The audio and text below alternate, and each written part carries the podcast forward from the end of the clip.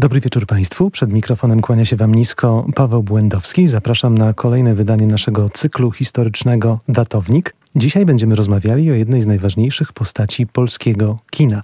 Często nazywano go królem komedii XX wieku, tej polskiej komedii. Mowa o Adolfie Dymszy. Wczoraj, proszę Państwa, minęła 122. rocznica urodzin tego wybitnego polskiego aktora. A dzisiaj będę rozmawiał o Adolfie Dymszy ze znakomitym znawcą kina, także z animatorem kultury filmowej w Lublinie i nie tylko, panem Piotrem Kotowskim. Dobry wieczór. Dobry wieczór. Zacznijmy od początku. Jak to się stało, że niemal 17-letni Adolf Dymsza zaczął już y, występy w teatrze. No wówczas kariera teatralna czy kariera y, kinowa to nie było coś, y, co było bardzo popularne, jeżeli chodzi o młodych ludzi. Jak to się stało? Skąd te zainteresowania u Dymszy?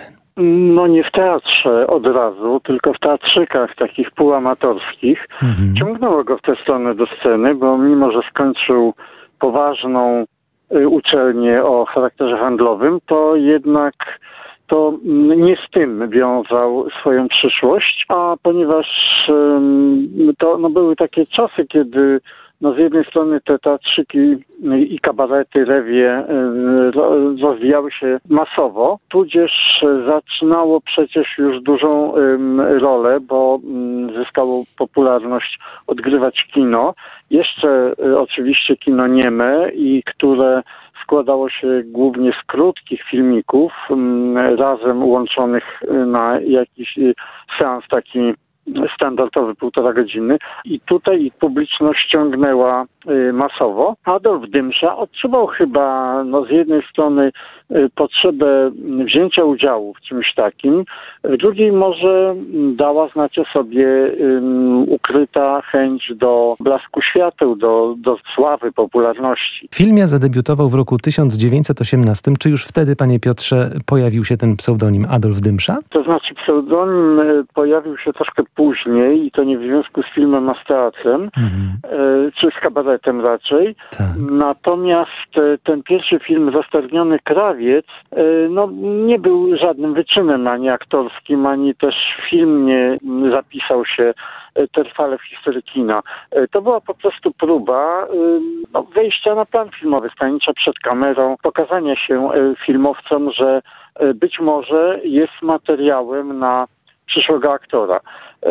Nie poszło to tak jak z płatka, bowiem w epoce kina niemego, czyli do lat 30., pojawiał się w, w filmach od czasu do czasu, ale to były głównie epizody i to raczej polegało na mm, zdobywaniu doświadczenia, na obyciu z planem filmowym, z kamerą, z innymi aktorami. Znacznie lepiej szło mu w e, tych teatrzykach rewiowych, potem w kabaretach, no z tym najsłynniejszym, Kwi Pro Quo, z którym y, związał się na ładnych kilka lat. Tak, to były, przypomnijmy, też... lata 1925-1931. Dokładnie, ale imał się też y, innych y, zajęć związanych pośrednio y, ze sferą artystyczną, czyli był wodzirejem, prowadził lekcje tańca w jednej ze szkół, brał udział w maratonach tańca, jeden nawet wygrał, wytrzymał na parkiecie aż 48 godzin, czyli kondycję miał w sumie niezłą. Coś niesamowitego, to prawda. Chciałbym zapytać, panie Piotrze, także o ten moment przełomu, jeżeli chodzi o karierę Adelfa Dymszy, no bo kiedy y, patrzymy wstecz teraz w te lata przedwojenne, wydaje nam się, że on niejako bardzo szybko został gwiazdą, tymczasem była to raczej kariera małych kroków. No, zdecydowanie tak. Żeby dostać się do, do centrum tego życia filmowego, no trzeba było czymś zaimponować decydentom od kinematografii. Jego szczęśliwym momentem było przejście w Polsce także kina z epoki niemej na, na kino dźwiękowe. Y, tutaj się dobrze odnalazł, bo dysponował raz, że niezłym głosem, także wokalnym. Tak, bo też śpiewał, też nagrywał. Y, mhm. Śpiewał, tak, solo i w duecie z Eugeniuszem Bodo chociażby, y, ale też jego mm, atutem były dowcipy słowne. No więc w kinie dźwiękowym mógł, mógł się tym popisywać, bo aktorsko no co tu dużo mówić, to e, ten tytuł króla polskiej komedii przedwojennej mhm. E, jest z dzisiejszego punktu widzenia trochę na wyrost, bowiem te komedie były raczej no, niskich lotów. Nie miało polskie kino takiej tradycji, ani takiego rozmachu jak Hollywood, który mógł sobie pozwolić na przebieranie w scenarzystach, reżyserach, aktorach. U nas to wszystko odbywało się w sposób chałupniczy i poczynając od no, dosyć um, ubogich y, scenariuszy, y, które no dzisiaj y, filmy zrealizowane ich podstawie dzisiaj rażą. Mhm. Bo nie są ani specjalnie zabawne, ani specjalnie pomysłowe, ani specjalnie romantyczne, bo dwa gatunki wtedy królowały, komedia i historie miłosne. Ale no takie to kino wtedy było. No, było na pewnym etapie ewolucji swojej i wszyscy, którzy brali udział w tej przygodzie, no, po, musieli się do takich warunków, jakie istniały, dostosować. Dymsza Y, też, no, z, owszem, miał to doświadczenie kabaretowe, rewiowe, y, co pewnie sprzyjało w obsadzaniu go w rolach komediowych, y, ale też nie był, może brak szkoły aktorskiej powodował mm. to, że, że on nie był aktorem sensu stricto, że szarżował po prostu na ekranie. To, to dzisiaj szczególnie widać, bo wtedy publiczności to absolutnie nie przeszkadzało. Był idolem tamtych czasów, to prawda. Z kim najbardziej konkurował Adolf Dymsza? Czy to był Eugeniusz Bodo? Jaki w ogóle był jego stosunek do kolegów z branży, na przykład tych, którzy skończyli szkoły filmowe? Mało było właśnie ludzi, którzy tak. pokończyli profesjonalne studia aktorskie czy reżyserskie. Ten, ten polski przemysł filmowy w międzywojniu no, rodził się Y, od podstaw, ale z podglądania tego, co działo się w, nie tylko w Hollywoodzie, ale po sąsiedzku w Defie niemieckim, niemieckim na przykład, tak. która no, to kino stało na o wiele wyższym poziomie. E, I próbowano te pomysły przeszczepić na polski grunt. No, raz się udawało to trochę lepiej, raz gorzej. No, ale, ale generalnie mm, myślę, że, że nie miał kompleksów, w tym sensie, że większość jego kolegów, jeśli chodzi o aktorów, to przeszło podobną y, ścieżkę y, do kina, a z, myślę, że z większością utrzymywał dobre i sympatyczne stosunki. Z Eugeniuszem Bodo grał w kilku filmach. Te dwa najbardziej znane to Robert i Bertrand i Paweł i Gaweł. Grał często z Zulą Pogorzelską, która była jego koleżanką jeszcze od czasów kabaretu Krwi Pro Quo. Mm-hmm. I, I, z Heleną Grosowną i tak dalej, z Antonim Fertnerem. Więc to, to był taki e, krąg właściwie e, ludzi, którzy na co dzień ze sobą współpracowali, szczególnie, że mm, wymieniali się tylko na planach e, filmowych, zmieniały się nazwiska, y, y, raczej krzywki w obsadzie, bo nazwiska aktorów pojawiały się wciąż te same w kolejnych filmach. W ostatnich latach, panie Piotrze, przede wszystkim w przestrzeni internetu pojawiło się wiele artykulików i artykułów historycznych o Dymszy, a raczej o tym, co on robił jako aktor w czasach okupacji. To jest niewątpliwie kontrowersyjny epizod jego kariery.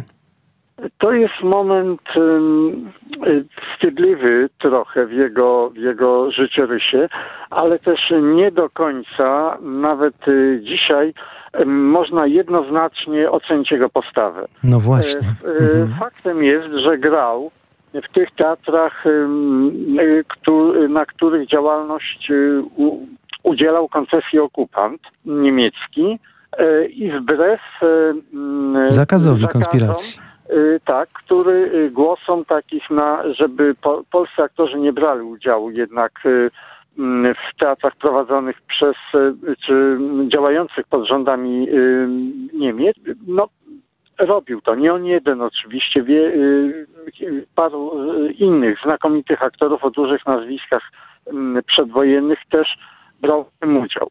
Z jednej strony, no, każdy chciał jakoś przeżyć, zarobić na życie. On mhm. miał dosyć liczną rodzinę. Co prawda trójka pierwszych dzieci mu zmarła, ale potem dorobił się następnej trójki, a e, właściwie czwórki, bo pod koniec wojny jeszcze Anita, Anita tak. naj, najmłodsza córka się urodziła. Z drugiej strony są też takie głosy, że on grał na dwa fronty, że wykorzystywał te mm, swoje kontakty z y, Niemcami do pomagania y, uwięzionym ludziom y, przez Niemców. Między innymi pomógł wydostać się z Pawiaka Mirze Zimińskiej. Mm, z gestapo na Szucha też wyciągał swoich kolegów, mm, byłych aktorów, a poza tym jeszcze przez pół roku w swoim domu w Willi w Otwocku przechowywał przedwojennego y, żydowskiego iluzjonistę.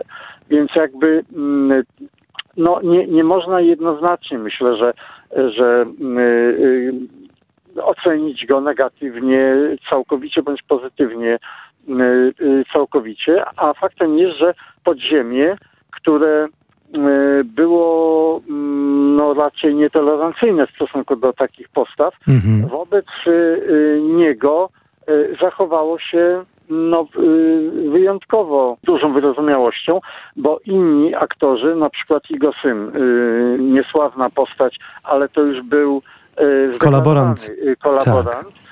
No, zginął z, z tak, zapłacił życiem. śmierci. Dymsze to się udało.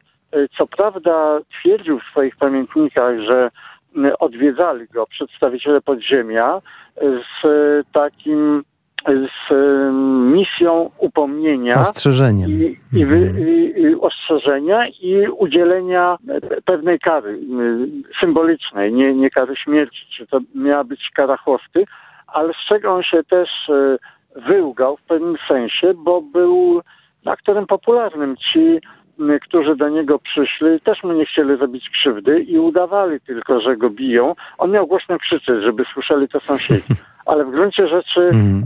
nic takiego mu się nie stało. Mm, tak jak pan powiedział, rzeczywiście on y, trudno ocenić jego postać jednoznacznie negatywnie, tym bardziej, że do, dość dużą cenę zapłacił już po wojnie. Y, tak, bo bowiem no, jego, jego te przypadki wojenne nie do końca rozpatrzone, chociaż y, ci, którym pomógł, występowali w jego obronie. Mhm. Y, no ale też y, sytuacja po 1945 roku w naszym kraju na wejście no, nowych stalinowskich czasów no, nie sprzyjała puszczaniu w niepamięć nawet podejrzeń o grzech kolaboracji, ale też wyrok oprzeć się z nim łagodnie, bo dostał tylko zakaz występowania w warszawskich, warszawskich teatrach przez pięć lat, e, więc przeniósł się do Łodzi na ten czas, co jednak nie przeszkodziło mu na przykład wystąpić przed kamerą w, w Skarbie.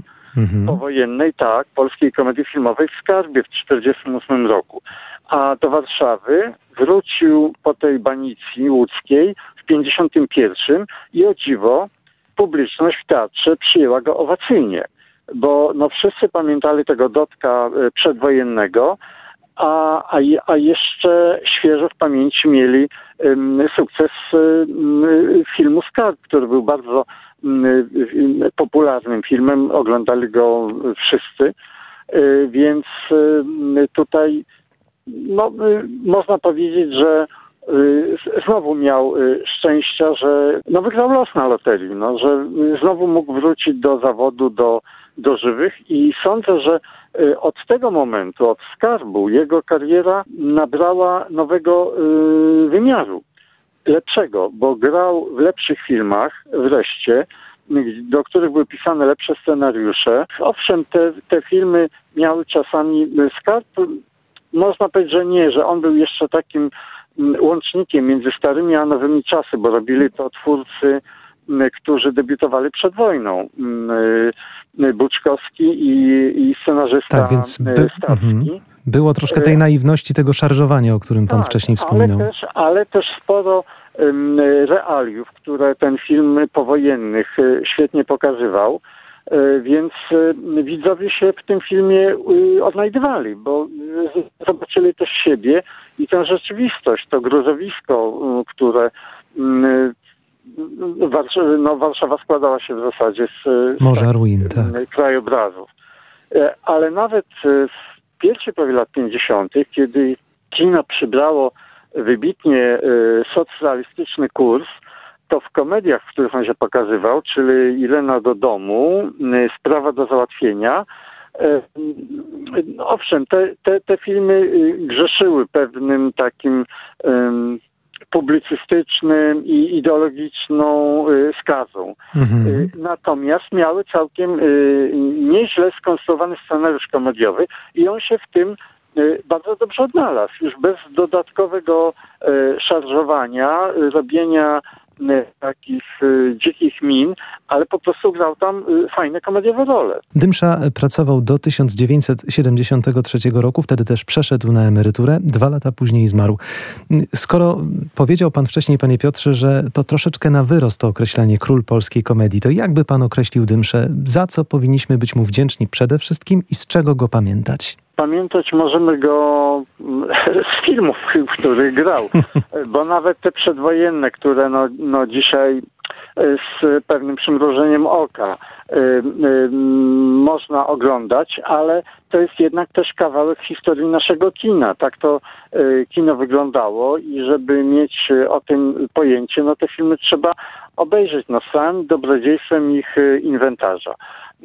Dymsza wstydzić się nie ma czego, bo on po prostu robił to, co do niego należało, czego od niego wymagano, a co ważniejsze, czego oczekiwała publiczność, bo właśnie kochała go w takich przegiętych rolach, takiego no, lumpa troszkę, warszawskiego cwaniaczka, e, który wpada e, we wszystkie możliwe tarapaty, ale no, ponieważ ma tę energię w sobie zahartowanego człowieka z różnych dzielnic Warszawy, e, to wychodzi z nich obraną ręką. I nawet wtedy, a to jest drugi motyw tych e, komedii, startuje do Mm, dziewczyny mm, w zasadzie dla niego niedostępnej, bo jest e, z tej innej, lepszej sfery, z innej grupy wiadomo, społecznej. że i tak ją na końcu zdobędzie. No sympatyczne rysunki y, postaci. Zgłębiajmy, proszę Państwa, zatem historię polskiego kina i rolę Adolfa Dymszy. A o tym aktorze opowiadał nam tak interesująco dziś w datowniku znawca kina Piotr Kotowski. Bardzo Panu dziękuję, Panie Piotrze. Bardzo Panu dziękuję.